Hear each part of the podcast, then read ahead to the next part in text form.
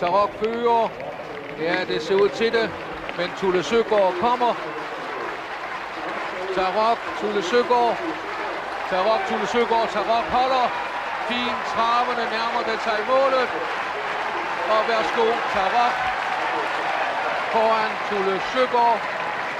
Og så kom Talisman Sus på en fjerdeplads. Derby-sejren til Tarok. Med en god lang julepause indenbords er Travsnak i samarbejde med Travservice klar til på ny at nørde rundt i travsportens mangfoldige verden.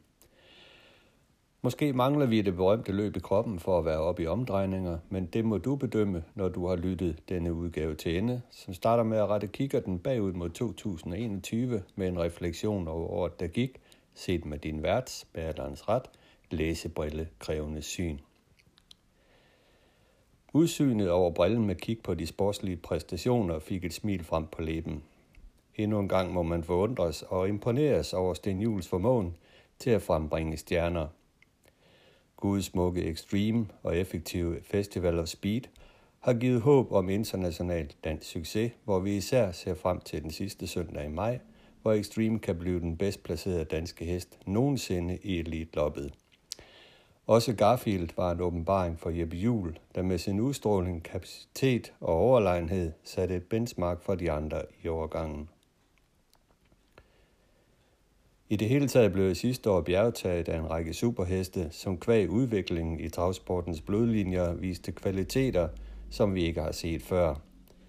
Der var ubesejret Calgary Games, toårsfænomenet T-Trick Warnia, og i USA indtog Wallner den store scene med sine første toanger, hvor Venerable var den helt store kanon.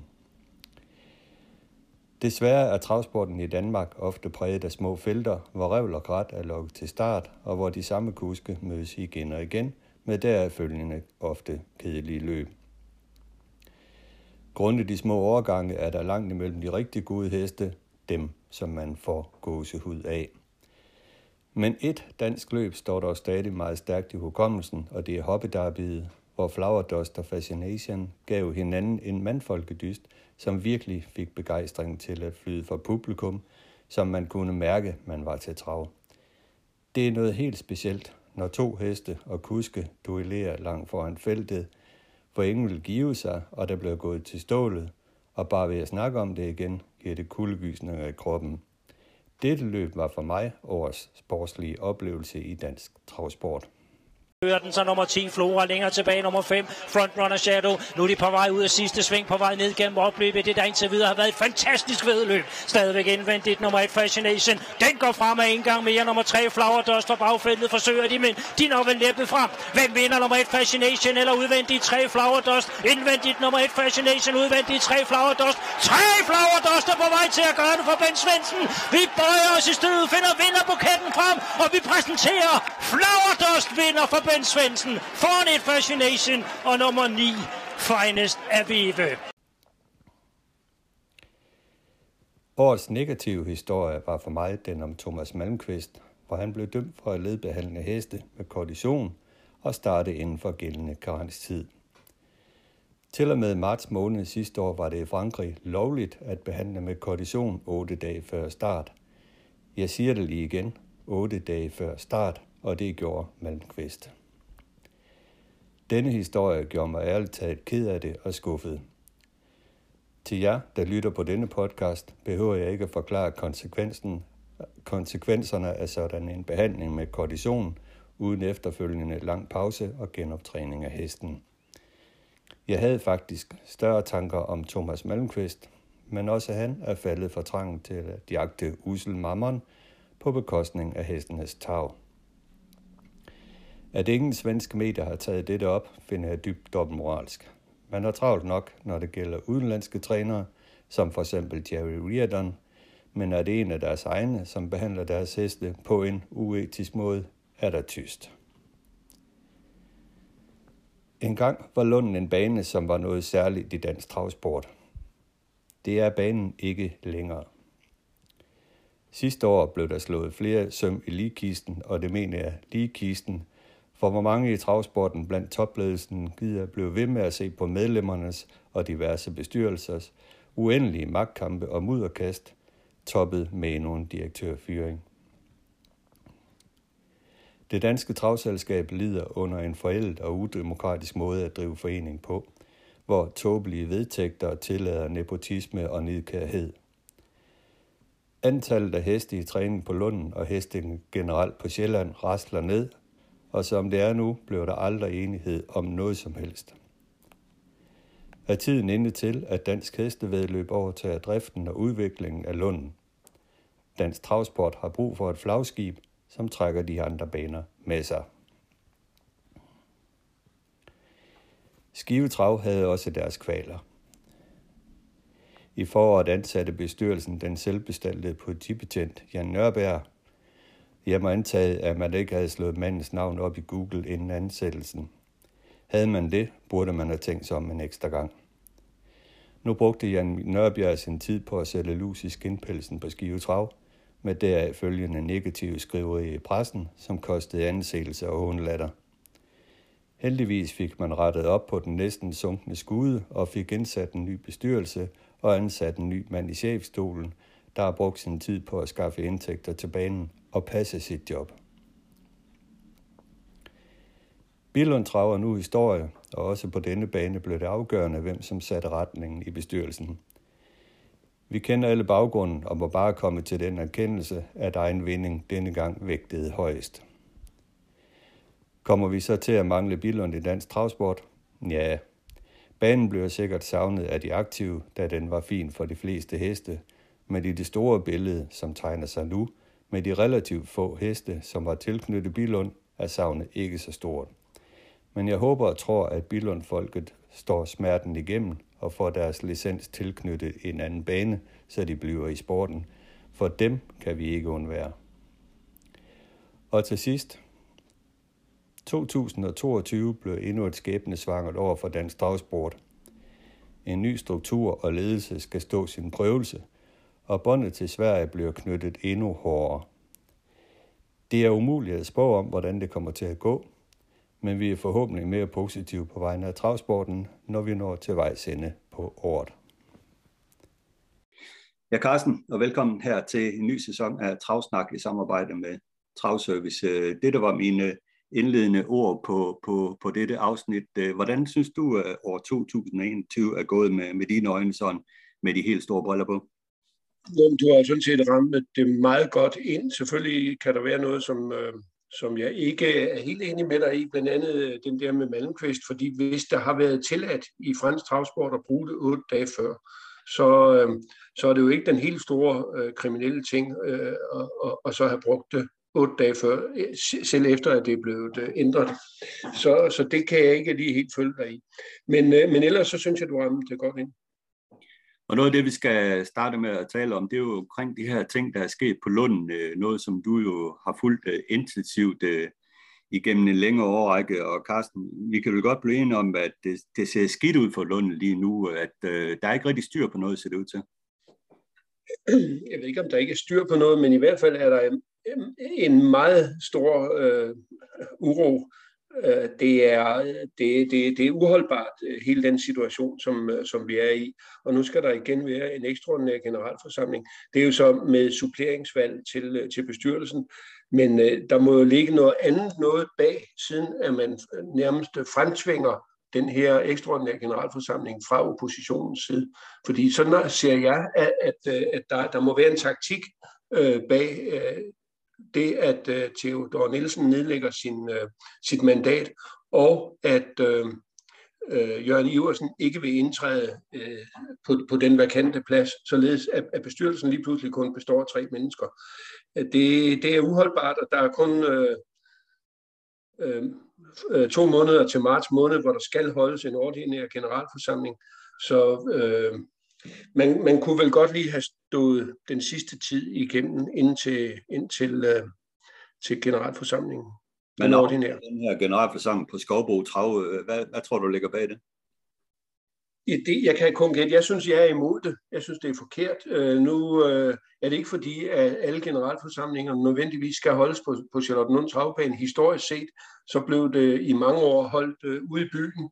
Øh, men øh, at den lige pludselig skal holdes ned på Skovbro, det, det må så være en, en taktisk øh, finesse fra, fra, fra formandskabet, som, øh, som måske tror, at, at der så er flere fra Nordsjælland, der ikke gider at tage turen ned til, til Skovbro. Men, men det tror jeg nu, øh, at øh, hvis det kun bliver, hvis der bliver andet end, end bare det her valg til bestyrelse på, øh, altså på to bestyrelsesmedlemmer. Hvis der bliver mere end det, altså hvis, hvis der virkelig kan blive en ekstraordinær generalforsamling, for eksempel med en mistillid, så tror jeg, der er flere, der vil øh, øh, tage turen. Men hvis man kun på forhånd ved, at det er bare bestyrelsesvalget øh, her, der, der er tale om, så, så tror jeg heller ikke, der kommer ret mange. Du nævnte noget om, øh, om der, der kunne ligge noget taktik bag ved, at øh, Theodor Nielsen øh, vælger at udtræde, og at, øh, at en anden mand ikke ønsker at indtræde i bestyrelsen, supplanten. Øh, hvil, hvilken taktik tænker du på her? Det skulle så være, at man kunne få en ekstraordinær generalforsamling og få stillet et mistillidsvotum til, øh, til bestyrelsen. De tre mænd, der er. Jeg kan ikke se nogen anden grund til, øh, at de skal, øh, at, at de gør, som de gør. For ellers så kunne de have blevet øh, siddende. Altså, øh, Theodor Nielsen øh, sagde jo på det medlemsmøde, der var, at han øh, opfattede sig selv som kontrollant i bestyrelsen. Øh, og det kunne han jo så blive ved med øh, to måneder eller to og en halv måned mere. En anden ting, som også har vagt øh, rør i anden dammen, er jo den her direktørføring af Christian øh, Sørensen, øh, som, som lige pludselig kom ud af det blå, kan man sige. Øh, endnu en direktør fyret på Lund, øh, af 20 direktør har der været på den bane øh, igennem øh, en længere årrække. Øh, hvorfor er det så svært at være direktør i Lund? Altså, det er jo klart, det, det er jo nok øh, vanskeligt at komme udefra og så komme ind øh, i en forening, hvor, øh, hvor, hvor modsætningerne er så kraftige, som, øh, som de er. Øh, men øh, det har jo nok også været svært at, at, at finde øh, personer, som, øh, som, øh, som er de rigtige. Altså nu, Christian Sørensen kom jo fra, fra øh, sportens verden, og dem har vi haft et par stykker af inden for de seneste øh, år, og der er ikke nogen af dem, der, der rigtig er slået igennem øh, inden, på, øh, inden, inden, inden for travsporten. Det er som om, de ikke har fået travsporten ind under sig. Jeg synes, den sidste øh, direktør, der har været, som jeg synes virkelig øh, gjorde en forskel, det var, det var Lars Moss, og han valgte desværre så at, at stoppe selv øh, på et tidspunkt. Det var en skam, fordi øh, han havde nogle visioner, og han fik også sat noget i gang øh, med markedsføring og det hele. Øh, men øh, han, han holdt desværre ikke så lang tid. Ja. Man nævner jo miste indtægter på, på 850.000 kroner i form af øh, tilskud og i form af miste lejeindtægter, som også er en samtidig med, at, øh, at Christian Sørensen mener, man ikke har, har lavet nok øh, sponsorindtægter osv. Men, men er det ikke øh, lidt uretfærdigt for, for Christian Sørensen? For man kan sige, hvad er hans udgangspunkt? Han er direktør på en bane, som ingen i praktikken ved øh, skal ske med øh, over de næste årrækker. Øh, der er masser af dårlig karma omkring banen, så er det vel heller ikke øh, nemt bare at gå ud og, og Shanghai nye sponsorer.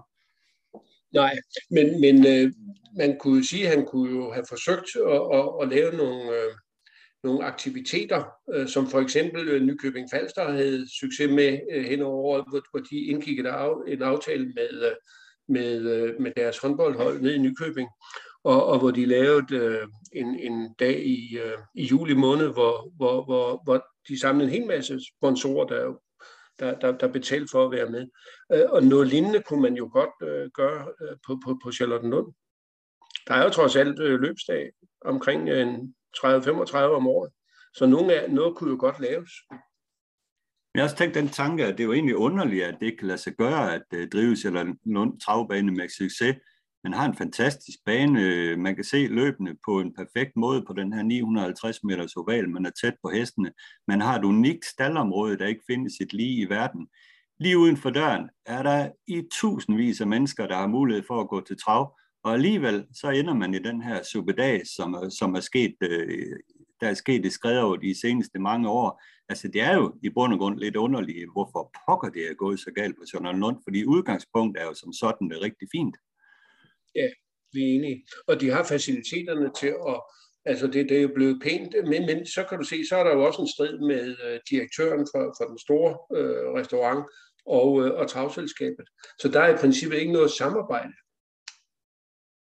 mellem dem. Nej. Og det er jo også en helt det er jo det. En anden ting, som jeg også øh, har fremhævet, det er jo de her vedtægter. Det har vi jo talt om øh, før. Det er jo sådan, at det danske travselskab er jo ret udemokratisk på den måde, at det er bestyrelsen, der alene skal, genke, skal, alene skal godkende nye medlemmers optagelse af foreningen. Er det ikke noget, som har overlevet sig selv, det her? Er det ikke på tide, at man kigger sine vedtægter igennem og, og gør den med 2022 værdig? Øh, men det er man faktisk også i gang med. Øh, der er nedsat et øh, eksternt udvalg, som, øh, som kan fremkomme med et øh, forslag til, øh, til generalforsamlingen. Men, men jeg ved ikke, hvordan vil du have... Øh, skulle du kunne bare uden videre blive medlem af det danske travselskab, eller, eller hvad? Hvordan mener du? At det, skal, det er vel bestyrelsen i enhver forening, som, øh, som godkender optagelse af, af et medlem? Nu er det jo sådan, at det koster går ud fra noget at være medlem af jeres bestyrelse, og man melder sig vel kun ind i en forening, hvis man har noget at uh, sige, og man mener har noget at gøre der. Øh, det er i hvert fald mine tanker. Det er langt de fleste mennesker, som melder sig ind i noget, uden at vil uh, være med uh, til at bidrage med en eller anden ting. Så jeg tror, der, der, er vel nogen, der er vel nogen, som godt vil betale 500 kroner for at, at få øget indflydelse. For, altså betale 500 for andre for at få øget indflydelse, så, så det er ikke bare lige. Og man kan jo sige, Øh, medlemmerne i Charlottenlund sidder jo altså på en milliardformue, ikke? Så, så, så, så øh, det, øh, det er ikke bare lige, jeg synes, man kan ikke bare åbne for, for medlemsadgang. Nej, men det andet problem er... Sige, gennem, årene, gennem årene er der jo blevet optaget, hvad skal vi sige, mange støttemedlemmer, øh, altså øh, koner til hesteejere, for eksempel, eller medarbejdere øh, på, øh, i travselskabet, øh, som vel måske ikke øh, havde den helt store øh, interesse i at være medlem, men, øh, men som kunne bruges som stemmekvæg. Ikke? Jo, men det, der sker lige nu, det er jo også, at det har været fremme, har jeg da læst på nogle sociale medier, at øh, bestyrelsen, ja, de øh, hiver jo kun øh, nye medlemmer ind, øh, som, øh, som de er venner med. Resten kommer ikke med ind. Altså, det er jo sådan nogle ting, øh, man risikerer, at den her form for nepotisme øh, breder sig, nidkærhed så, og så videre, som jeg nævner. Det er jo det, man risikerer med sådan nogle vedtægter. Ja, og det er jo også sådan noget, der kommer frem, når der er øh, gravet grøfter, som der er på Charlottenlund Travbane. Ja. Fordi det behøver ikke at have hold i virkeligheden, det som øh, postulat, som du nu var fremme med, ikke? Nej, men det er jo det, er jo, det er udkommet af, af vedtægterne. Men, men, men, øh, det, ja. men, men bestyrelsen i Charlottenlund har jo nu vedtaget, at, at man skal have et, et, et hesteejerforhold øh, til Charlottenlund Travbane for at kunne blive optaget. Okay. Så Jamen, jeg ville da ikke kunne blive optaget i dag. Altså, jeg er medlem af Stel KTAS, øh, men, øh, men jeg har jo ikke nogen hest som sådan. Og sådan er vi da mange. Og, og så kan man jo så sige, skulle dit, øh, skulle dit medlemskab kunne opdeles således, at det kun er aktive hesteejere, øh, som, øh, som har øh, en A-stemmeret, og, og vi andre, vi havde en B-stemmeret. Jeg ved det ikke. Jeg synes bare, at det er, det er en forkert måde at drive en forening på. Det må, det må jeg alle tilstå. Men øh, dertil er jeg nok for grøn i, i gamet i forhold til at vide hele baggrunden omkring det danske travselskab. Det er i hvert fald min mening. Men Carsten, vi skal videre. Vi får rig lejlighed til at tale Lund øh, i øh, senere afsnit. Vi skal videre til det næste emne. Det er jo øh, den her fyring, der kom af Claus Storm, som der kom en kortfattet meddelelse øh, omkring fra DTC. Øh, hvad, hvad, hvad, hvad tror du, der ligger bag den her fyring? Jeg synes jo, at øh, en betroet med det, med, øh, en betroet medarbejder som Claus Storm, der har bidraget med, med de ting, han har gjort i, i sporten, øh, normalt, der finder man vel en eller anden form for aftrædelse, og normalt, der kommer der en skrivelse ud, hvor man ligesom fremhæver de ting, som, som personen har gjort osv., men her kom der bare en kort fra det pressemeddelelse. det, så det er ligesom om, at øh, jeg fornemmer, at øh, parterne ikke har været helt enige om det her man er vel ikke, man er vel normalt ikke altid enige om en fyring. Men, men her der har, jeg ved jo ikke heller øh, den, den helt rigtige baggrund for det her, men hvad jeg har hørt, øh, er jo, at øh, Claus Storm ikke ville indordne sig under den nye opbygning af, af, af Dansk Hestevedløb og, og Dansk Travsport Centralforbund og Dansk Galop, hvor, øh, hvor Dansk Hestevedløbsdirektør skulle være direktør for det hele. Øh, og, og så skulle Claus Storm altså være hvad skal jeg sige, afdelingschef, og, og, og det ønskede han ikke. Men så har der jo i øvrigt også været et ønske fra mange inden for travsporten igennem mange år, at Claus Storm skulle ud. Og, og nu kan man så sige, nu, nu blev det så effektueret. Det var noget, og så er det... på, på travservice, øh, Carsten, øh, det her, hvor du var ret hård i retorikken, synes jeg, over for Claus Storm, og det er jo heller ikke alle, der ligesom har bifaldt de der skriverier. Var du ikke lidt for hård der? Der er flere, der har. Der er flere, der har bifaldt, end der har anfægtet. Og det er jo klart, Claus Storm har da også været flink over for nogen, og han har også gjort meget godt.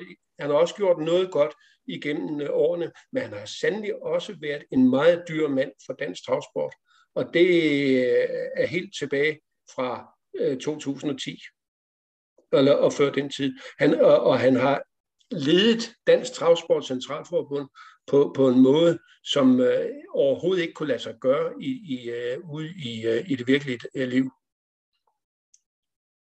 Men der er jo mange, der ikke ved, øh, hvordan det står til, men der er jo altså også mange, der har oplevet ham, og som har haft mange dårlige nætter, fordi de ikke turde. Jeg har, jeg har jo fået så mange tilkendegivelser igennem årene, vi kan, ikke, vi kan ikke udtale os. Jeg vil ikke udtale mig. Hvis jeg siger noget, så kommer Claus Storm efter mig. Øh, og sådan har det været helt tiden. Ja. Og det var også derfor, jeg skrev. Øh, men jeg undrede mig jo også, og det skriver jeg jo også, om han fik den afsked, han skulle have, fordi hvorfor skrev de ikke noget om, at jamen, tak til Claus øh, for sin store indsats for dopingarbejdet, og jeg ved ikke hvad. Øh, det undrede mig lidt over, hvorfor der ikke stod nogen... Øh, det, det ville jo være gratis for dem at skrive.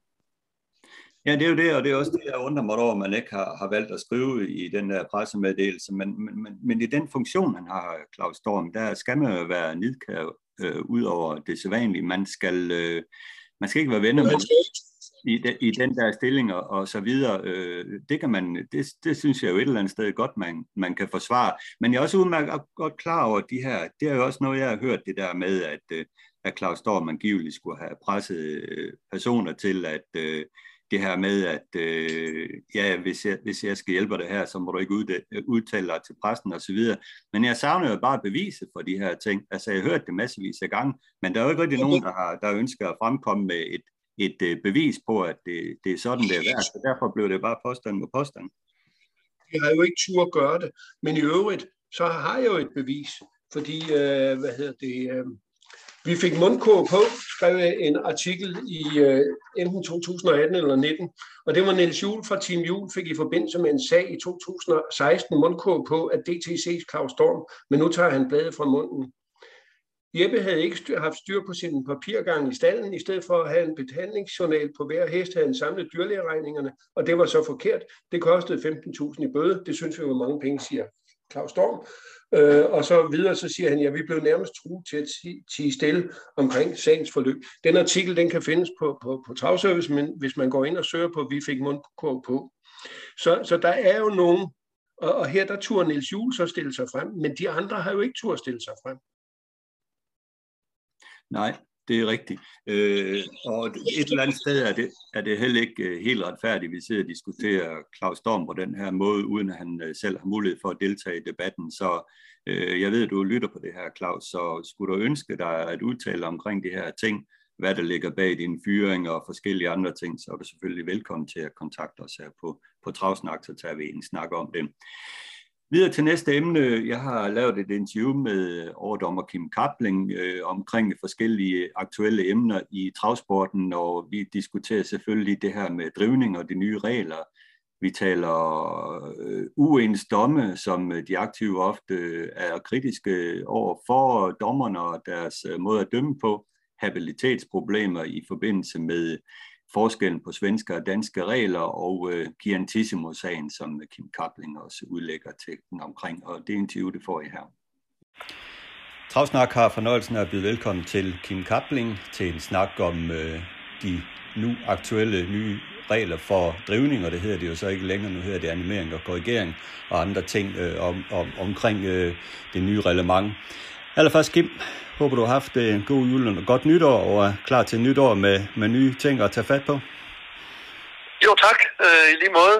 Jo, vi er altid klar til at øh, gå, gå i gang og lad os sige, møde de udfordringer, vi har med en pose med åben sind.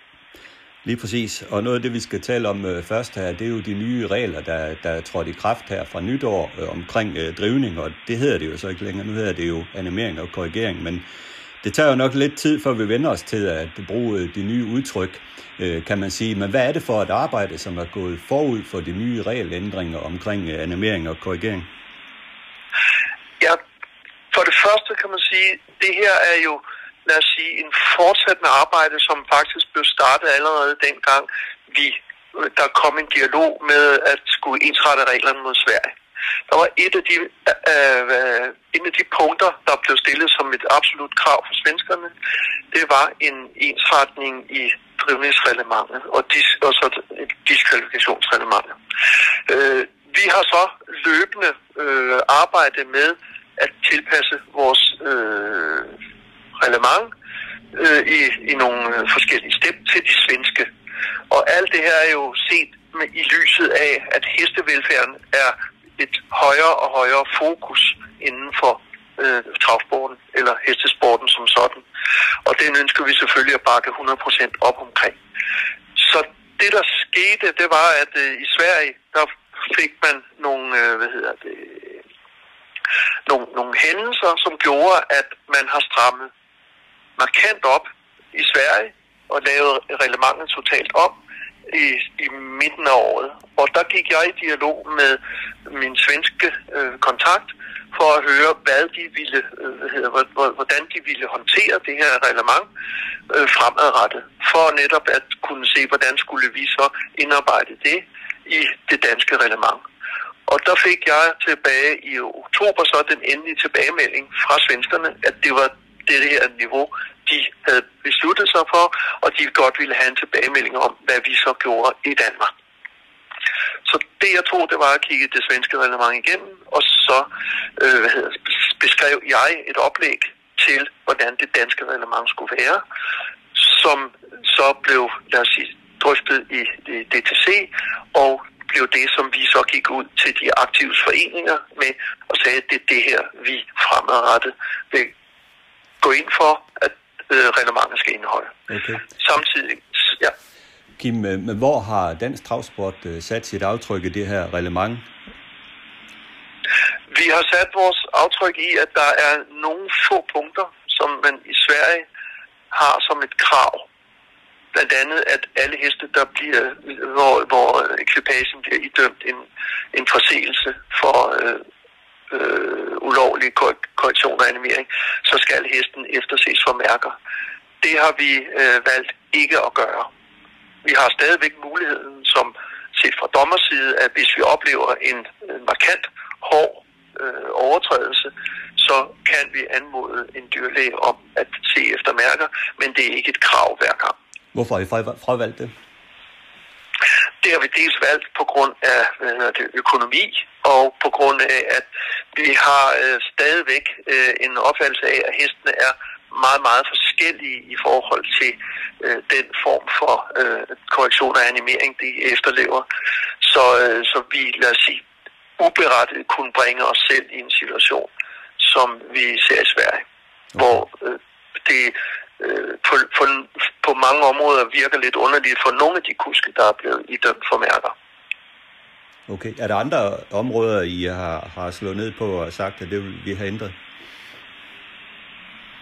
I, øh, I forhold til det svenske relevant, ja, eller i forhold ja. til I forhold til det arbejde, der har været? Nej, ikke i forhold til lad os sige, de, de, de, de minimumskrav, vi har været stillet for det svenske. Vi arbejder konstant hver eneste år på at se, hvilke regler vi kan lad os sige, ensrette i forhold til det svenske, men der er, som du, som du selv er inde på, så er der områder, hvor vi ikke 100% retter sig efter reglementet for, øh, som det svenske. Og det kan have noget at gøre med starten, og det kan have noget at gøre med, med forskellige hvad hedder det, forhold øh, herunder økonomi. Okay. Hvis man ser tilbage på, på de seneste år, så synes jeg jo, at øh, de danske kuske virkelig har oppe sig omkring drivningen. Altså, det, det er jo virket som om, at de danske regler faktisk virkede ganske udmærket. Så hvorfor er det, man øh, slår sig på de svenske regler, som man gør nu? Jamen, jeg er meget enig i, at øh, den, øh, den, den tilretning, vi har haft gennem de sidste par år, den har været rigtig, rigtig positiv, og jeg synes faktisk også, at vi lå på et, et, et, et meget fint leje i Danmark. Men vi er desværre nødt til at øh, hvad hedder det, følge den strøm, der er omkring hestevelfærd, og specielt øh, så har vi også fået et, øh, et input fra UET om øh, den stramning, der er omkring armens højde. Så, øh, så, så, så det er et spørgsmål om, at, at vi lægger os tæt op af den trend, der er, og ikke ændrer, lad os sige, vores, øh, vores retningslinjer for ofte. Eller tage, lad os sige, øh, steppet, hvis vi skulle tage et step, som et step, frem for at folk skal ændre adfærd flere gange. Ja. Hvad vil I specielt kigge efter her i det første måned? Jeg kan forstå, at der er ligesom en karensperiode her i det første kvartal, hvor man øh, lader det være en indkøringsfase. Men hvad, hvad har I speciel opmærksomhed på? Jo, men vi har opmærksomhed på, at øh, øh, som vi også viste i vores informationsvideo, de, de øh, kuske, der, øh, hvad hedder det, eller de aktive, som øh, lad os sige, bryder i forhold til de nye øh, øh, vurderinger. De vil så ikke modtage, lad os sige, en, en, en konkret straf, men de vil modtage en kontakt, der fortæller, at her ligger du over den grænse, som vi implementerer fra 1. april for de fleste baner. Det vil også være sådan, at vi, øh, ud over det, at de aktivt får besked om, at dommerne vurderer det til at være, lad os sige, en forkert adfærd, så vil vi også på de interne rammer, så arbejde, vil vi arbejde med nogle øh, to-tre dommermøder gennem de første tre måneder, hvor vi samler eksempler ind for de øh, advarsler, dommerne har givet, hvor dommerne så får mulighed for at drøfte øh, og derigennem øh, lægge, sig, lægge en linje, som de aktive så, lad os sige, bliver, bliver, vurderet i forhold til. Okay. Og jeg har også haft en snak med repræsentanter fra Trænerforeningen om, at øh, vi øh, øh, kører en, en, en, en parallel dialog i forhold til, hvordan status er. Sådan så, at, at jeg siger, vi, vi kan tage eventuelle øh, uoverensstemmelser tidligt i forløbet. Ja. Men jeg vil, jeg vil rose de kuske, der var ude i Aalborg. Det så rigtig flot ud. Jeg var meget tilfreds med det, jeg så øh, den første løbsdag. Ja, og der er vi enige. Men jeg har tænkt på en ting, øh, Kim. Det er jo, at øh, i og med, at I strammer op på den her måde, øh, man gør, man ikke tillader, tillader drivning på nogen måde, så kan man jo netop i en tæt opløbskamp drage fordel af at bryde reglerne.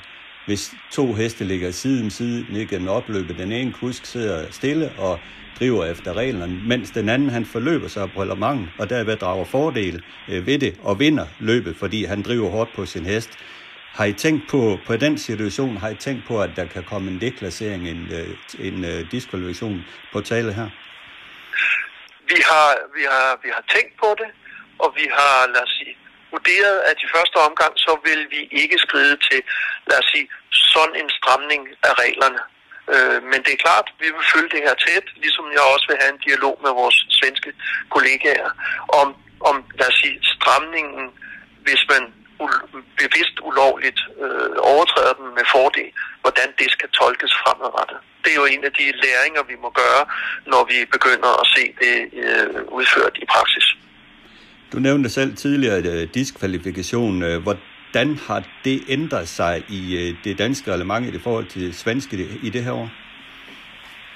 Det har ikke ændret sig. Det er fuldstændig det samme, som det har været de sidste, jeg tror det er to, to år okay. øh, siden. Og, og og det er, som øh, den, da vi informerede om det dengang, at der skal meget mere til for at blive diskvalificeret i forhold til de regler, vi kører med nu, end der skulle tidligere. Øh, både i forhold til, at øh, den, øh, den ekvipage, det går ud over, den kigger vi ikke så meget på. Vi kigger mere på, om den ekvipage, der begår forseelsen, opnår en øh, åbenlys fordel i sin placering. Og det, det er det, der får imod det her jeg skal ikke lægge skjul på, at jeg ikke jeg er ikke super, super øh, tilfreds med, med den måde, men sådan er det. Er der andre områder i øh, uh, travkalender nummer et, som du synes, de aktive skal være særlig opmærksom på her i uh, det nye år? Og hvis jeg skal sådan selvfølgelig den her regel med voldestart, at man skal ikke køre, man må ikke køre med øh, det, der er defineret som en amerikaners olke. Og der vil jeg jo henlede de øh, aktives opmærksomhed på. Definitionen af en amerikaners olke, den ligger under udstyrslisten, og den er ikke altid sådan lige, øh, lige, lige, lige nem at, at gennemskue, om en solke, man har, det er en amerikaner definition, eller det er en solke definition. Så, så er der, der, er nogle, øh, der, der er nogle få justeringer i forhold til det schema, vi bruger til at, øh, at dømme efter. Der er kommet en, øh, nogle justeringer ind som øh, på nogle beløb og på nogle tredjegangsforseelser. Øh, så, og så, nej, så mener jeg ikke, at der er sådan noget markant omkring det. Jo, der er noget omkring øh, opvarmning. At man skal... Øh, man, det, når man varmer op på den lille bane, så vil vi ikke se øh, hvad det, folk kører fra øh, på tværs af opvisningsbanen, fra der er sagt tre minutter til start, øh, og så til løbet er afviklet. Så, vi, det, så de der episoder, vi har haft, hvor man kører fra staldsiden og over til den lille bane og passerer opvisningsbanen øh, meget tæt på start eller under løb, det vil vi ikke se.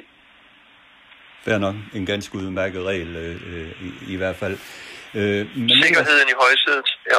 ja, helt klart. Men jeg, jeg kan også forstå, at der arbejdes på, nu nævnte du det her med amerikanervogne, der arbejdes på at lave et system herhjemme, hvor man melder sko og solke information ind, og øh, jeg ved ikke, om det er noget, du har kendskab til. Jeg kan også se, at løbsreglement i hvert fald gør plads til det, øh, travkalender 1, at der kommer sådan noget. Jeg er lidt involveret i, i det projekt, der arbejder på det, og har været inde og forberedt kalender nummer et med de, det relevant, som øh, er to kopier af det svenske. Det eneste, jeg ved, det er, at øh, der arbejdes på at komme med en løsning, hvor det er de aktives ansvar at øh, indrapportere øh, primært via en selvbetjeningsløsning, enten på banen eller via mobilen, øh, inden øh, løbsdagen, og så er de, som i Sverige har mulighed for at rette øh, inden for nogle specielle regler, øh, både solki og øh, sko spil, inden øh, de kører ud til løb. Ja, det lyder ganske fornuftigt. Det er i hvert fald noget, som ja. øh, spillerkollektivet ja. øh, efterlyser.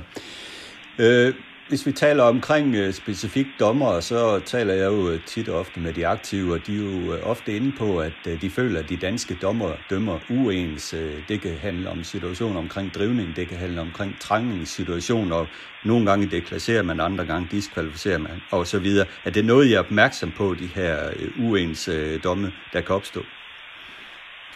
Men det er klart, at vi selvfølgelig øh, også, som, øh, som, som alle andre, følger vores, øh, hvad hedder, vores, vores, vores virke meget tæt. Og det gør jo, at hver gang vi mødes, øh, øh, så har vi nogle punkter, hvor vi følger op på, på, på de domme, der er givet, og på de retningslinjer.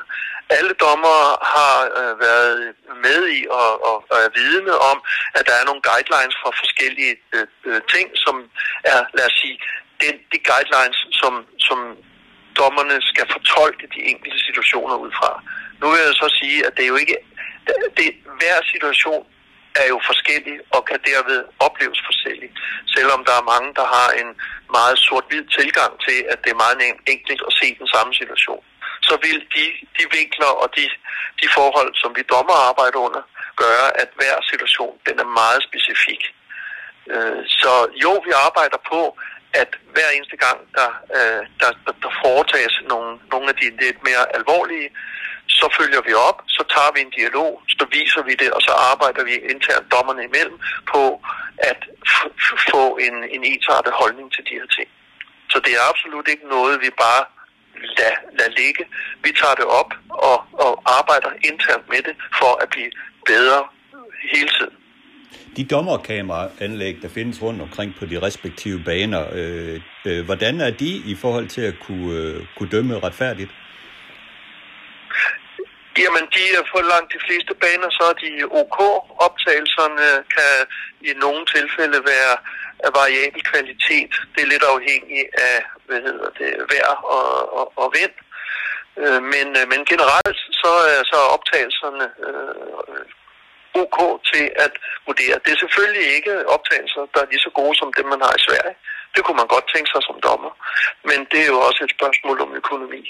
Så de, de optagelser, der er, de er som udgangspunkt øh, gode til at tage den dialog, der skal være med de aktive, om hvorfor man har dømt, som man har dømt. Og der vil jeg igen anmode de aktive, eller opfordre de aktive, hvis de er udsat for, at de bliver idømt et eller andet, de føler er uretfærdigt øh, i større eller mindre grad, så tag dialogen, kom op og få det vist, øh, øh, og få dialog med dommerne. Det er ikke en ens betydende med, at man skal blive enig, men det, så har man i hvert fald haft den samme tilgang til at se på billederne. Spillerne de efterlyser også nogle gange at kunne se de her optagelser, for ligesom at kunne synliggøre over for dem, hvorfor I er dømt, som, som I gør. Men jeg kan forstå, at det er ikke alle baner, hvor det teknisk er muligt at lægge de her øh, optagelser ud. Nej, det, altså det, der, der, der er to udfordringer af det. For det første så er det ikke alle baner, hvor øh, at, de, de billeder de ligger direkte tilgængelige, så man faktisk kan vise dem. Øh, på den anden så er det, hvornår, hvor der om Fast Track har adgang til at vise de billeder, som man kan servicere både de, der sidder hjemme i stuen, eller og dem, der er på banen.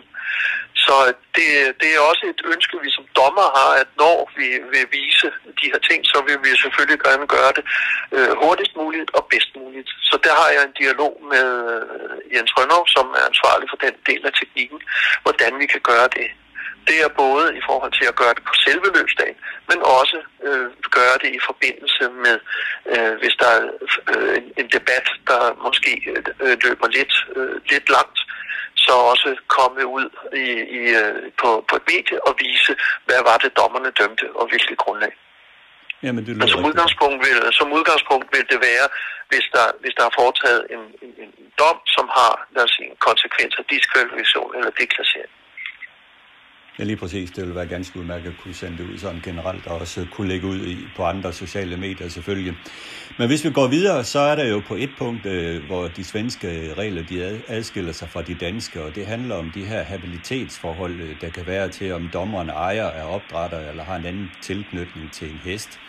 Det er jo sådan, at i, i Sverige, hvis en dommer er ejer af en hest, øh, så må, øh, eller opdrætter af en hest osv., så må dommeren ikke dømme på hele løbsdagen. Øh, men den paragraf har I valgt at undlade i de danske regler. Her er det alene dommeren, der skal udtræde af dommerkomiteen i det pågældende løb. Og det er jo ikke øh, nogen hemmelighed, Kim, at du jo er medejer af Festival og Speed, og selvfølgelig derfor har tilknytning til den hest, og også tilknytning til Sten Jul. Så kan du svare mig på, hvorfor I har undladt den paragraf øh, i de danske regler, som der er i de svenske? Ja, det kan jeg godt. Jeg vil godt lige kommentere, at det er faktisk, øh, når vi kører storløb eller kvalifikationer til storløb, øh, Øh, eller på anden måde har mulighed for det, så står den konkrete dommer, der berører berørt af det her, ud for hele løbsdagen. Men øh, det er ikke altid, at det er økonomisk muligt, øh, men det skal det være, når vi kører kvalifikationsløb, eller vi kører de store løb. Så, taler, så træder dommeren ud hele løbsdagen. Og årsagen til, at vi har den situation, som vi har øh, i, i Danmark, det er jo, at vi desværre ikke har en øh, lige så god øh, rekruttering af, af, af dommere, så vi har ikke så mange at trække på. Der er åbenbart nogen, som øh, hellere vil sidde og være øh, dommer øh, af dem, der dømmer, end at være med til at dømme.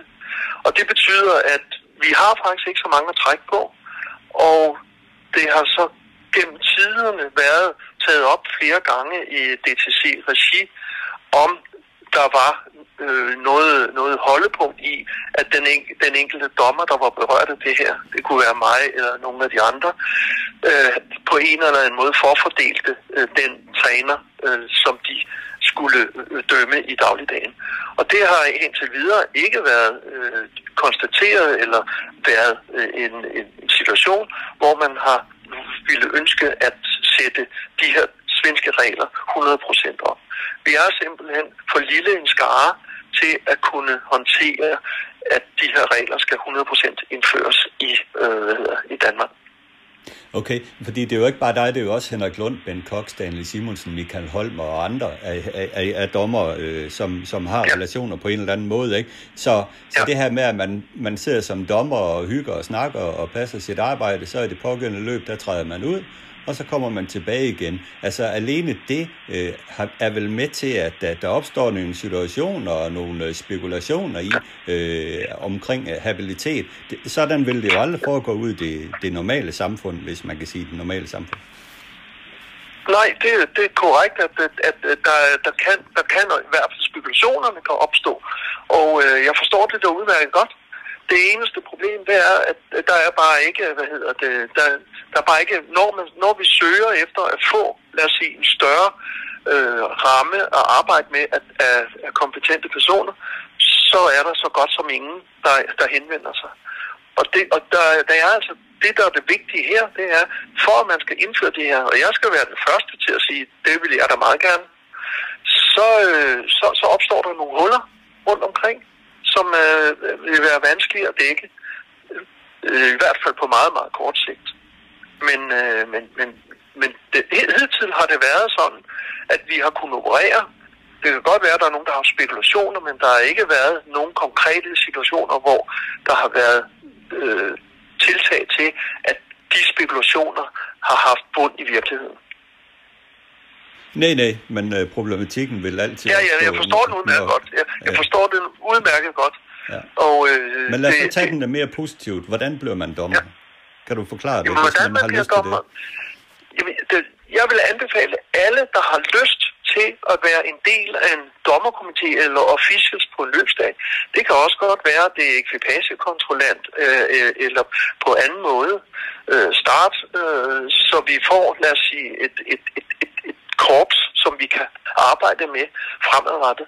De skal henvende sig. Enten skal de henvende sig til DTC og sige, hvad det er, de har interesse i, eller også skal de henvende sig til de lokale baner, som jeg så ved anden måde sender, øh, sender den øh, ansøgning videre. Okay. Og så tager man den derfra, men der findes vel ikke sådan en decideret uddannelse. Det er vel noget med, at man kommer med på, på job, og så bliver man sat ind i det.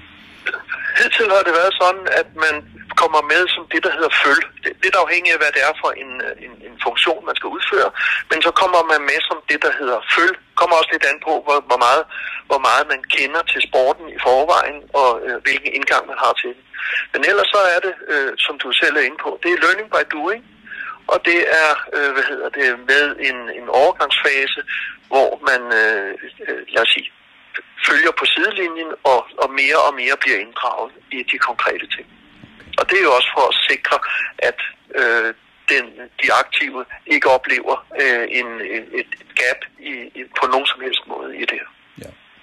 Det aller sidste, vi skal vende, det er omkring den her sag, der kom omkring, op omkring uh, Giantissimo, hesten Giantissimo, uh, som, uh, som uh, blev slettet fra en løbsdag i Skive her mellem jul og nytår. Uh, kan du prøve at forklare, hvad der er op og ned i den her sag her? Fordi at uh, Morten Juhl fra Kelde står jo lidt uforstående over, for det, der er sket i det, at man øh, modtager et 10 dages startforbud på hesten, men efterfølgende får, får man så at vide, at uh, at øh, der var et 5 dages meldeforbud, der gjorde, at den ikke kunne starte. Hvad er op og ned i den sag, Kim? Der er op og ned i den her sag, det er jo, at vi fra, fra starten af sidste år, der indførte vi det, der hedder et meldeforbud på hestene, når hestene øh, ikke øh, fuldførte eller præsterede i løbene, som øh, man egentlig kunne forvente. Og der, kan, øh, der kunne et meldeforbud, det kunne både være med en, øh, en, en krav om en dyrlæge og uden krav om en dyrlæge. Så gik vi i midten af året og med en blanket til den øh, ansvarlige træner for hesten.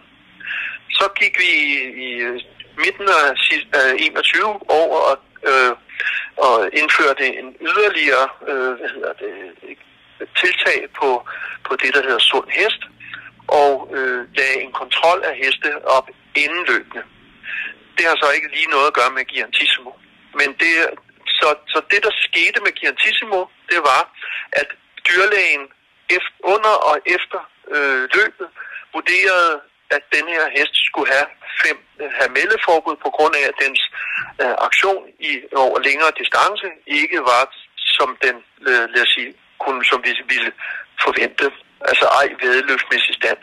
Der sker så det, at dommerkomiteen udfærdiger en blanket, dertil indregnet blanket, og den bliver afleveret til den ansvarlige træners repræsentant på selve dagen. På den blanket står der, øh, at hesten skal gennemgås af en dyrlæge, og en dyrlæge skal signeres, og den blanket skal sendes ind. Hvilket underforstået viser, at hesten er nu mulig at afmelde øh, sit startforbud i systemet, så at hesten kan meldes til start. Det er klart, det her det er en overgangsfase. Ja, Kim, Kim ja. du springer over en væsentlig ting i det her. Det er jo, at øh, i sportssystemet og på ja. den blanket, som Morten Jul modtager, der står der jo kun, at hesten har 10 dages øh, startforbud. Øh, hvorfor står der ikke det her med 5 dages meldeforbud på, på, på sædlen og i systemet? Ja, altså årsagen til, at der ikke står meldeforbud i systemet, er, fordi at, øh, at sportssystemet ikke automatisk kan sætte meldeforbud op. Det sætter det, der hedder forbud og startforbud op. Men det, øh, det, og det er selvfølgelig en, en, øh, en, en jeg vil sige, det er ikke en fejl. Det er en, vi kendte til, som vi desværre øh, ikke kan få lavet op på lige med det samme i forhold til den økonomi, det kræver at få ændret det. Det friholder så desværre ikke den, anmeld, den øh, ansvarlige træner for at få afleveret den blanket, som de har fået besked på, og som det tydeligt fremgår, skal afleveres i signeret stand. Den proces at få frigået, frigjort sin hest fra startforbud, den kan man ikke fraskrive sig ved bare at øh, spørge, om hesten øh, øh, kan, kan meldes til start. Det er klart, den her episode har også vist, at der har været øh, nogle, øh, nogle, nogle, nogle, øh, nogle uhensigtsmæssigheder i den proces, vi har implementeret. Og derfor så har jeg allerede taget øh, tiltag til, at vi først i næste uge mødes sports- og udvikling, øh, mig som repræsentant for dommerne, dyrlæge og DTC, for at få, øh, lad os sige, øh, rettet den her procedure til, inklusiv den blanket, som der er øh, der bliver brugt, så der ikke er nogen tvivl for hverken den aktive, for dommerne, for sport og udvikling, om hvad der er sket med den her hest, og hvordan den kan komme videre i, i forløbet til at kunne blive skrevet til start igen. Ja, der er jo selvfølgelig ikke nogen, der er...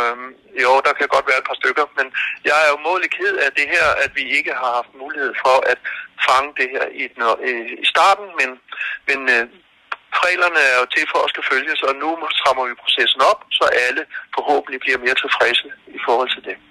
Men erkender du, at, øh, at DTC, øh, Dansk Hestevedløb, har, har begået en fejl i behandlingen af den her sag, i og med, at man ikke øh, åbenbart har helt fuldstændig fået det klargjort, hverken over for øh, ansvarlige træner anmelder og sport og udvikling, at der virkelig var et femdags meldeforbud her? Nej, det, det som jeg erkender, det var, at hesten desværre blev skrevet til start på et fejlagtigt grundlag. Der hvor og, og, og, og det, var, øh, det er noget, vi bliver nødt til at rette op på, så vi ikke kommer ud i den situation igen. Det er ikke et spørgsmål om, hvem der har en fejl her, fordi det, det der havde frigjort hesten til start, det var, at den ansvarlige træner havde fulgt de instruktioner, der stod på den blanket, som var blevet afleveret. Det i stedet for at, lad os sige, på nogle områder overhovedet ikke håndtere den sæde i, i nogen som helst form.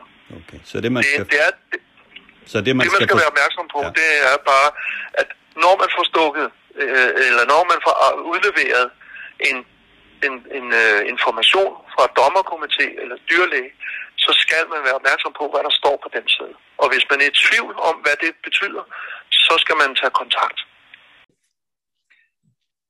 Carsten, vi har hørt på, på Kim Kapling, og øh, der er jo nok af emner at tage fat på for en, for en mand som ham, og blandt andet den her Giantissimo-sag, som, øh, som man øh, vi jo vil se at få ryddet op i nu, fordi der har jo tydeligvis øh, været nogle ting, som ikke har været helt klarlagt.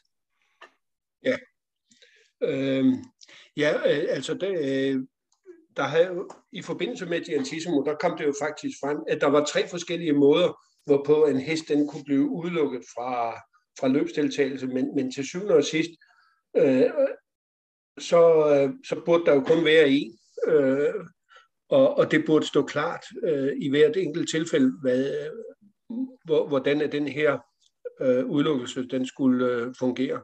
Og der var altså nogle, øh, der var altså noget omkring Giantissimo der, som, øh, som var uklart. Og det er jo noget med det, man vil prøve at få strammet op på, og det er, det er jo fair nok. Øh, ingen tvivl om det, og det, det var i hvert fald en øh, uh, trælsag for, for alle parter, uh, kan man vist roligt sige. En ny stor struktur, den uh, presser sig på, og den er jo i princippet allerede indført, og uh, i den her uge, der fik vi jo så nyheden om, at Morten Arnsen har søgt øh, nye græsgange. Han vil være direktør i Randers. Øh, men øh, hvad tror du, der, der ligger bag det? Tror du, at Morten Andersen ligesom har set skriften på væggen, at øh, der kommer nye folk ind på direktionsgangen? Måske skal jeg kigge mig om efter den job? Ja, men jeg, jeg, jeg tror heller ikke, at Morten Andersen helt har fået travlt galopsporten ind under huden.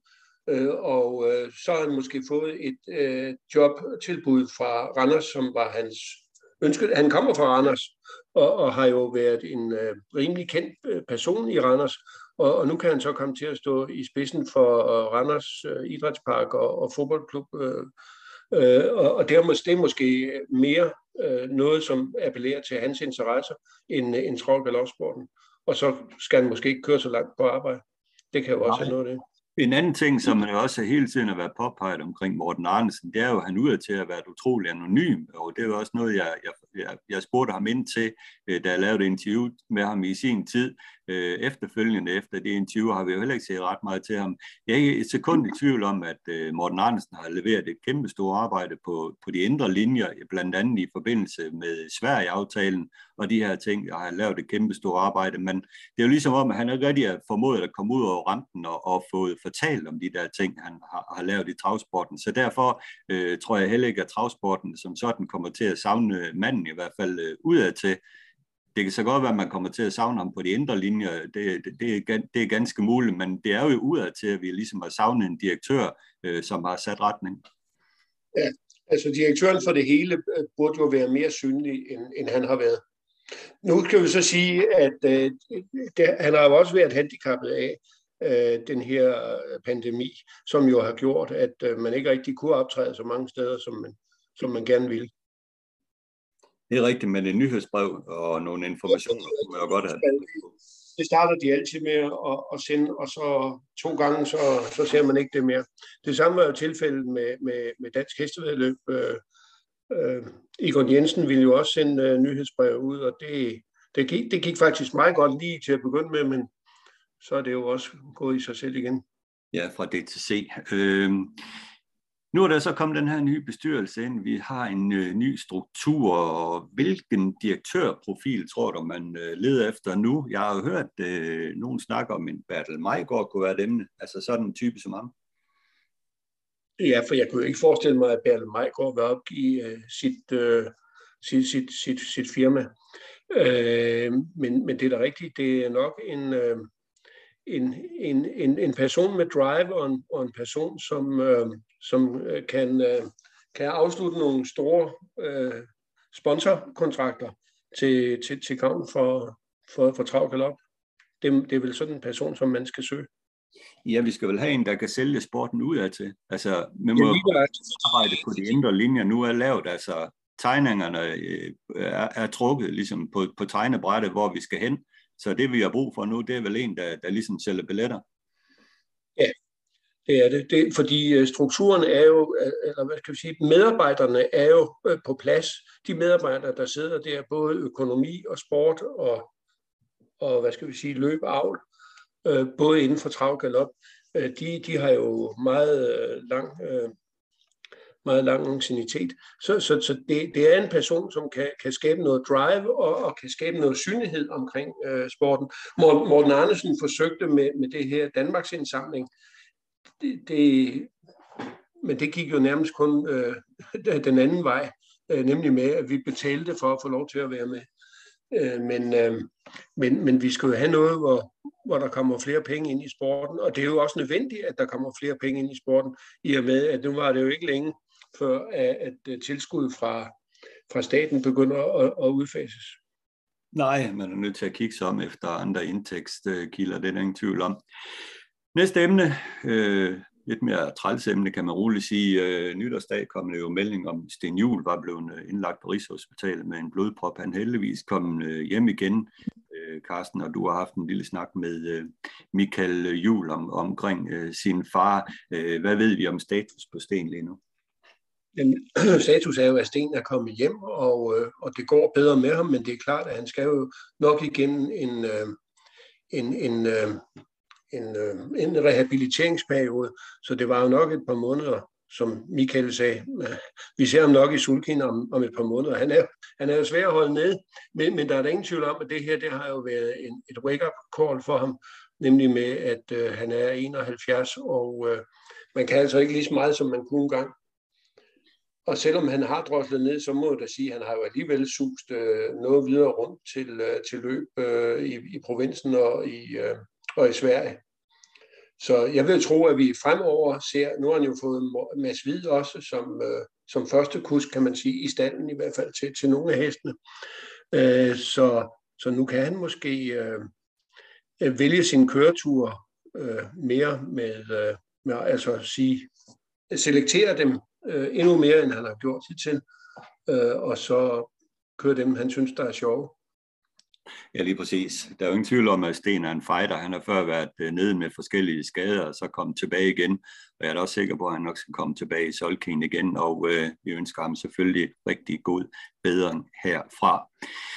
Sidste punkt i dag skal handle om øh, løbende i Frankrig. Der er jo sket, øh, vi har jo holdt øh, julepause her, der har været øh, masser af store løb og præstationer i Frankrig, og blandt andet øh, også med, med dansk træner involveret, Erik Bondo og dansk eget heste, som har gjort det godt. Altså, man må jo sige, at øh, danskerne har haft et øh, ganske udmærket vintermeeting indtil videre.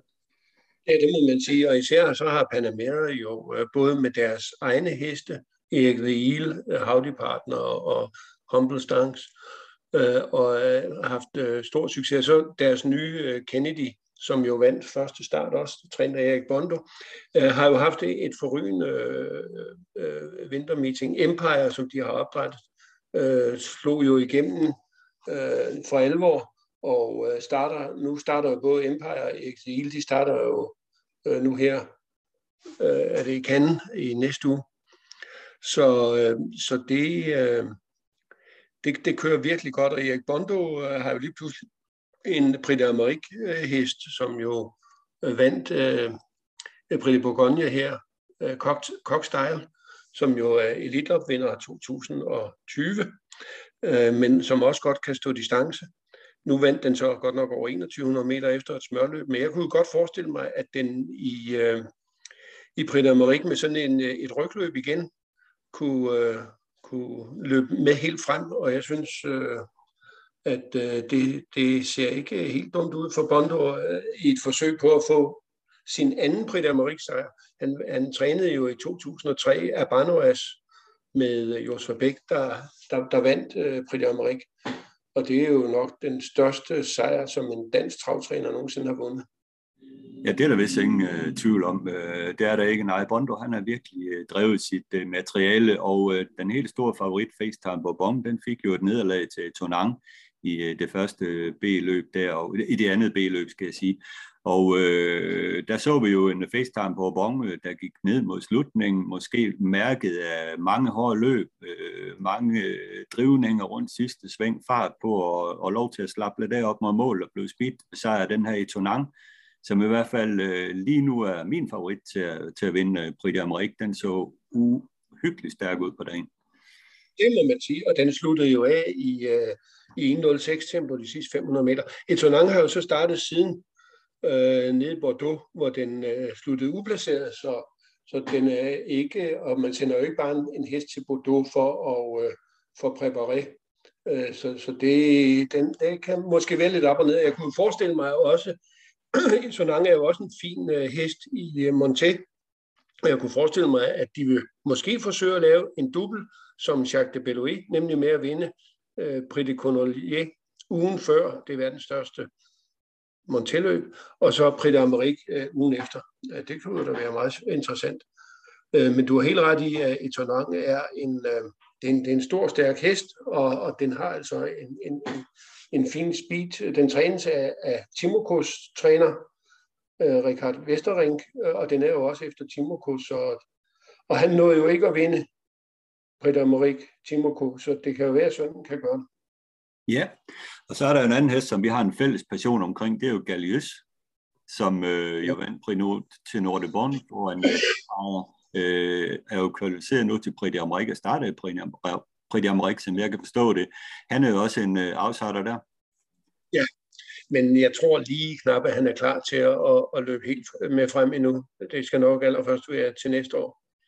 Men, men det vil jo, han vil jo skrive historie, fordi øh, den trænes af en kvinde, og det vil så være første gang, at en, en, kvindelig træner øh, starter hest i, øh, i Prix d'Amérique i nyere tid. Men en anden hest, som jeg tror er helt ude af billedet, det er Sakon Gio. Den øh, så mildestalt dårlig ud i sidste start. travet dårlig og galopperede i løbet. Den tror jeg virkelig baserer får svært ved at, at få op på, øh, på højeste niveau. Ja, det virkede jo ellers til øh, i Prix de Bourbonnais, hvor, hvor Basir kørte den, og hvor den blev nummer 4, at, øh, at han havde den på vej. Men øh, jeg må sige, at den så ikke godt ud øh, her sidst. Det gjorde den ikke, nej. Det næste store løb, øh, det sidste B-løb, er jo Prix de Belgique, øh, som jeg kører, så er det næste søndag igen, øh, så det sidste store B-løb inden øh, selve Prix de Amérique. hvad skal vi forvente os af det løb? var det noget med FaceTime på Bonn? Kommer den ud der, eller gik man direkte ud i Prix de Amérique? At de, altså, træneren Sebastian Guarto har jo den opfattelse, at FaceTime FaceTime Bourbon faktisk går sin allerbedste løb efter en løbspause. Så derfor så kommer den ikke ud i Prix men, men går direkte til, øh, til, øh, til, til, øh, til Prix Ja, og den er heller ikke meldt. For øjeblikket er der faktisk meldt 31 heste til, til, til Prix de Belgique, og der er Topper og Davison Dupont. Men altså end, øh, endelig startliste, eller endelig tilmelding er jo først på, på mandag. Noget helt andet, noget, der er jo også interessant, det er jo, at den hest, der er bookmakernes næstfavorit, det er Don Fanucci Z. Øh, han, var jo, øh, han gik jo ikke overbevisende i, øh, i Prit de Bourgogne, hvor, hvor den øh, sluttede på en 6. plads. ja, 7. plads faktisk. Ja, men det er rigtigt. Der har Reden et øh, arbejde at gøre med den hest. Man mente, at der var flere forskellige øh, ting, der kunne spille ind. Øh, rejsen, et nyt sted, øh, et varmere klima og vice versa. Så, så i hvert fald øh, fint og smidig ud på dagen, men øh, lad os se, om den ikke kan være bedre, nu den er blevet mere afklimatiseret øh, nede i Frankrig. Og nu bliver det jo spændende at se, hvem der skal køre den også, fordi øh, Kielstrøm øh, blev jo udelukket for sin kørsel, og, og den udelukkelse, den øh, omfatter øh, den 16. januar. Og nu ved jeg godt, at øh, Kildstrøm til, til travrunden sagde, at han kunne sagtens køre, fordi han ville få dispensation, fordi det var et gruppe 2-løb. Men øh, så vidt jeg kan læse i øh, UET's øh, generelle bestemmelser, som jeg også mener, at, øh, at Frankrig indordner sig efter, det er, at man får kun dispensation til gruppe 1-løb. Øh, og det vil sige, at øh, de skal finde en ny kurs til, til Don Fanucci selv, hvis den skal starte i Prix Okay det kan nok også uh, lade sig gøre. Ja. Men ingen tvivl om, at uh, vi selvfølgelig følger stærkt op på de franske løb. Uh, inden I får et afsnit af BS og Dyrbær, uh, så uh, vil jeg lige gøre opmærksom på en podcast, som I måske kunne have fornøjelse af at lytte til. Det er en podcast, som findes på Spotify, det hedder Harness Racing Our View, hvor man i, i det seneste afsnit har et interview med uh, Linda Toscano, som jo er kendt som træner af de to af de mest hotte avlshængste lige nu i USA, Chapter 7 og Wallner. Og det interview kan jeg varmt anbefale. Der er rigtig mange fine pointer omkring de der to hængste og andre fine informationer fra den meget sympatiske øh, 66-årige Linda Toscano, som øh, er en af de største trænere i USA. Men Carsten, det var alt for i dag. Tak for snakken. Tak. Og så får jeg her et afsnit af BS og Dyrebærs, hvor vi snakker om drivning og kuske provisioner.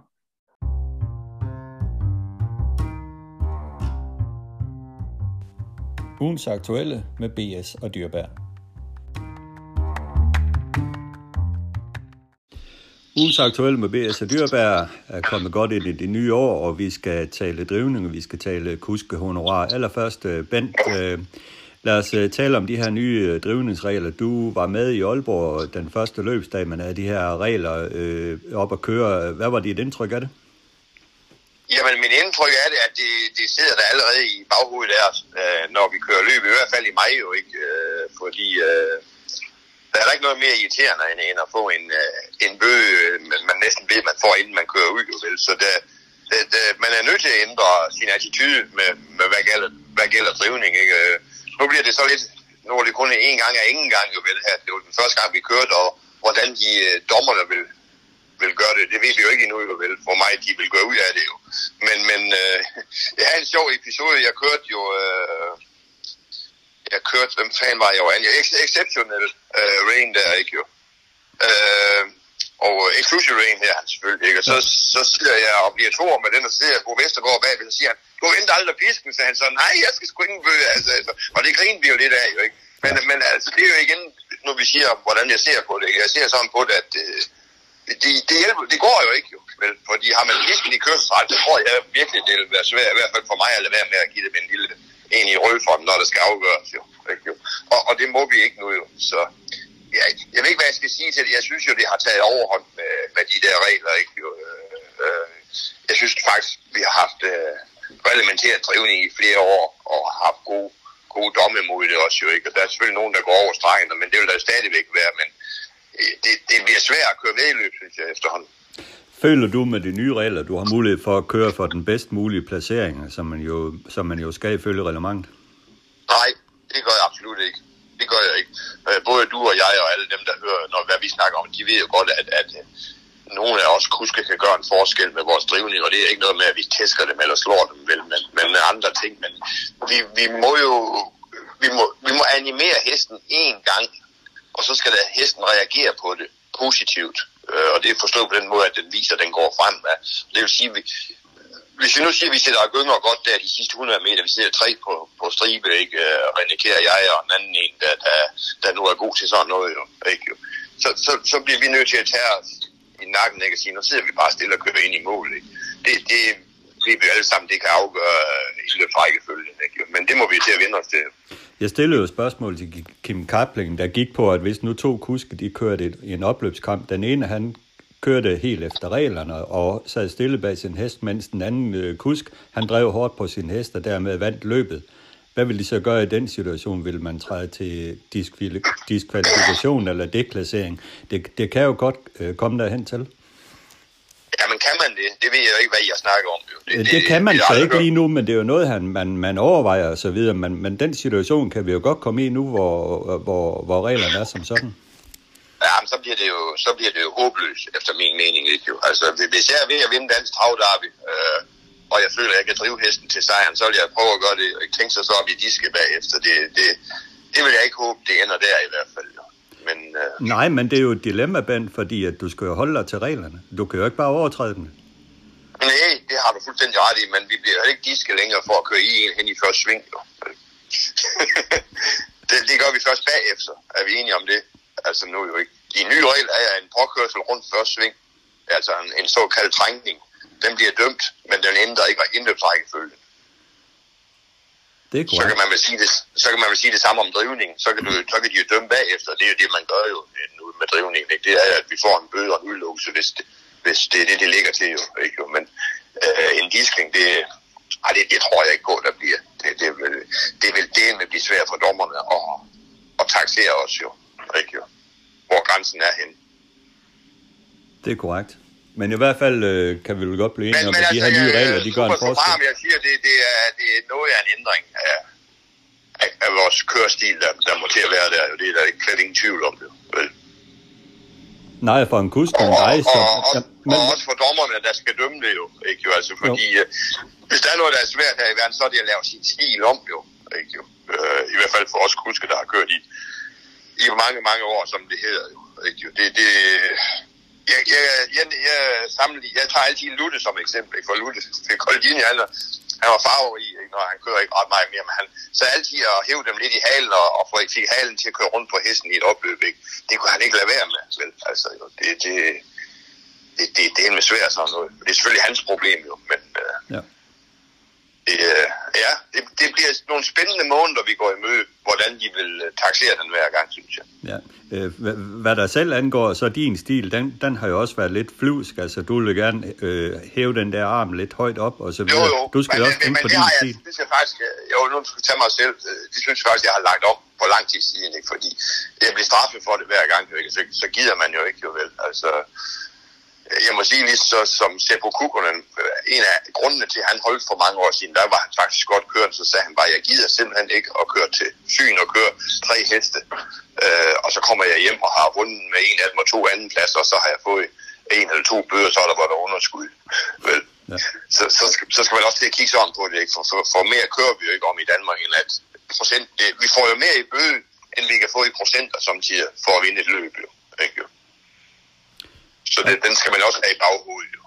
Og nu du nævner øh, procenter, så lad os skifte emne. Det er jo sådan i Sverige, at der blevet en debat op omkring øh, kuskehonorar. Der er nogle kusker, der er begyndt at insistere på, at de vil have, have et honorar for at køre heste plus, øh, plus procenter.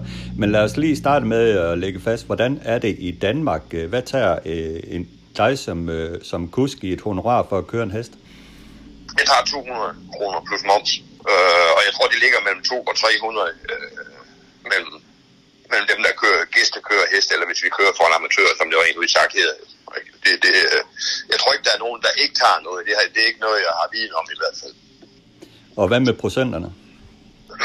Jamen, det er, de, det er jo 10 procent ved, ved, ved egen træne og amatør, og 5 procent, hvis vi, vi kører for hinanden inden for professionelle rækker. Hvorfor er det, I tager et honorar for, for at køre heste herhjemme? Altså, vi skal have noget for vores arbejde. Det, jeg synes, det, jeg, jeg er rystet over, at svenskerne ikke har gjort det, øh, må jeg nok sige. Det, det, hvis nu jeg skal køre til Bilund, vi tager lige den der, nej, den er lukket, vi tager en anden bane, men hvis ni gæster kører tre heste, øh, der måske ikke står med de allerstørste chancer, og så, så skal jeg ikke have noget for at køre derned, det, det, det, er, jo ikke, det er jo ikke i orden. Så er det jo ikke mig, der får 200 kroner øh, for at køre en, eller 400 kroner for at køre to, vel på sådan en tur. Jeg skal selv betale min dieselolie. Jeg skal få den stand, nu kan vi lige tage bøgerne igen. Jeg skal også selv betale mine bøger, dem betaler hestejeren jo ikke jo. Men, så der, der skal der være en pris for, for at udføre et stykke arbejde, det synes jeg absolut. Og det er da så det, der til har, ikke har været i Sverige, og det må jeg sige, det var jeg ret øh, overrasket over. Øh, var du viden om det? Ja, det har jeg været viden om i mange år, fordi øh, som vi lige snakkede inden vi, vi gik ind her på udsendelsen, og det, det kan vi godt nævne igen. Øh, jeg ved, at min gode kammerat Jørgen Sjunesen var en af de første, der begyndte med det, og det er mange år siden. Øh, han begyndte at ville have penge for at køre hesten. Jeg kan ikke huske, hvad det var dengang. Det er nok 10 eller 15 år siden, hvor han satte det, det i gang, øh, snakken om det, som der er nu også. Men han holdt sig til det, men det kostede ham utrolig mange køreture dengang. Men det var han ligeglad med. Han ville være sikker på, at han havde nogen penge, inden han kørte hjemmefra.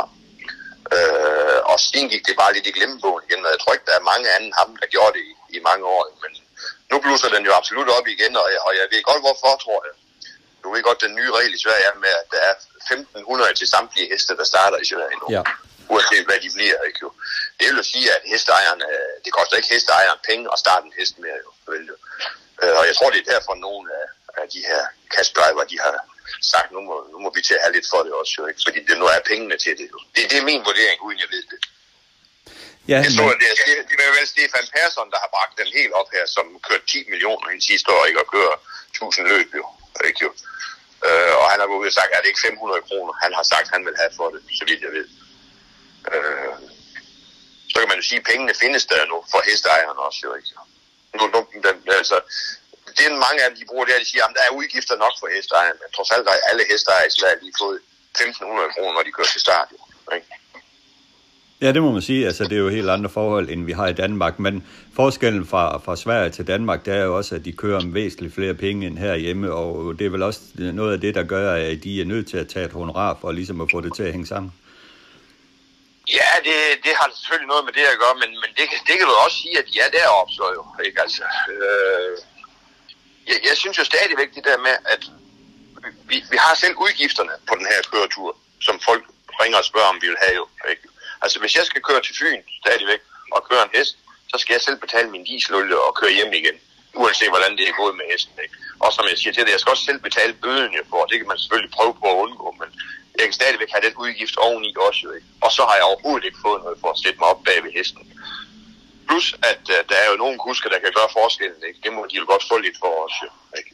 Så ved jeg godt, at, at, at, det er de der helt top af Kildstrøm og kompagni, der kører 50 millioner. Det er så også uhørt. Jo. De er selvfølgelig ligeglade med, om de får en 500 kroner eller leje for at køre. Ikke? Men det er jo igen det, at der er så mange penge at køre om. Men det skal jo ikke ændre på, om der skal være en regel for, at man skal have noget for at udføre sit arbejde, synes jeg. Nej, selvfølgelig. Sådan fungerer det jo også ude i samfundet, og sådan bør det jo også være inden for travsporten, at man skal have noget for sit arbejde, så må det være. Ja, det, det, det skal det, og så siger man, at der er udgifter nok til hesteejerne alligevel, ikke? men altså, vi skal ikke helt glemme, der er jo ikke ret mange, der har heste af, af forretningsmæssige årsager. Dem, der er hesteejere, de har dem af, af fornøjelse, og, og det er en dyre hobby, ikke? og hobby, det koster penge, og så er den jo ikke længere historie. Men, altså, det, det, du skal også betale for at have din, du kan købe en båd til 10 millioner, men du skal betale for at have den liggende i havnen. Ikke, jo? Det, det er vel lidt det samme, jo. Ikke, jo?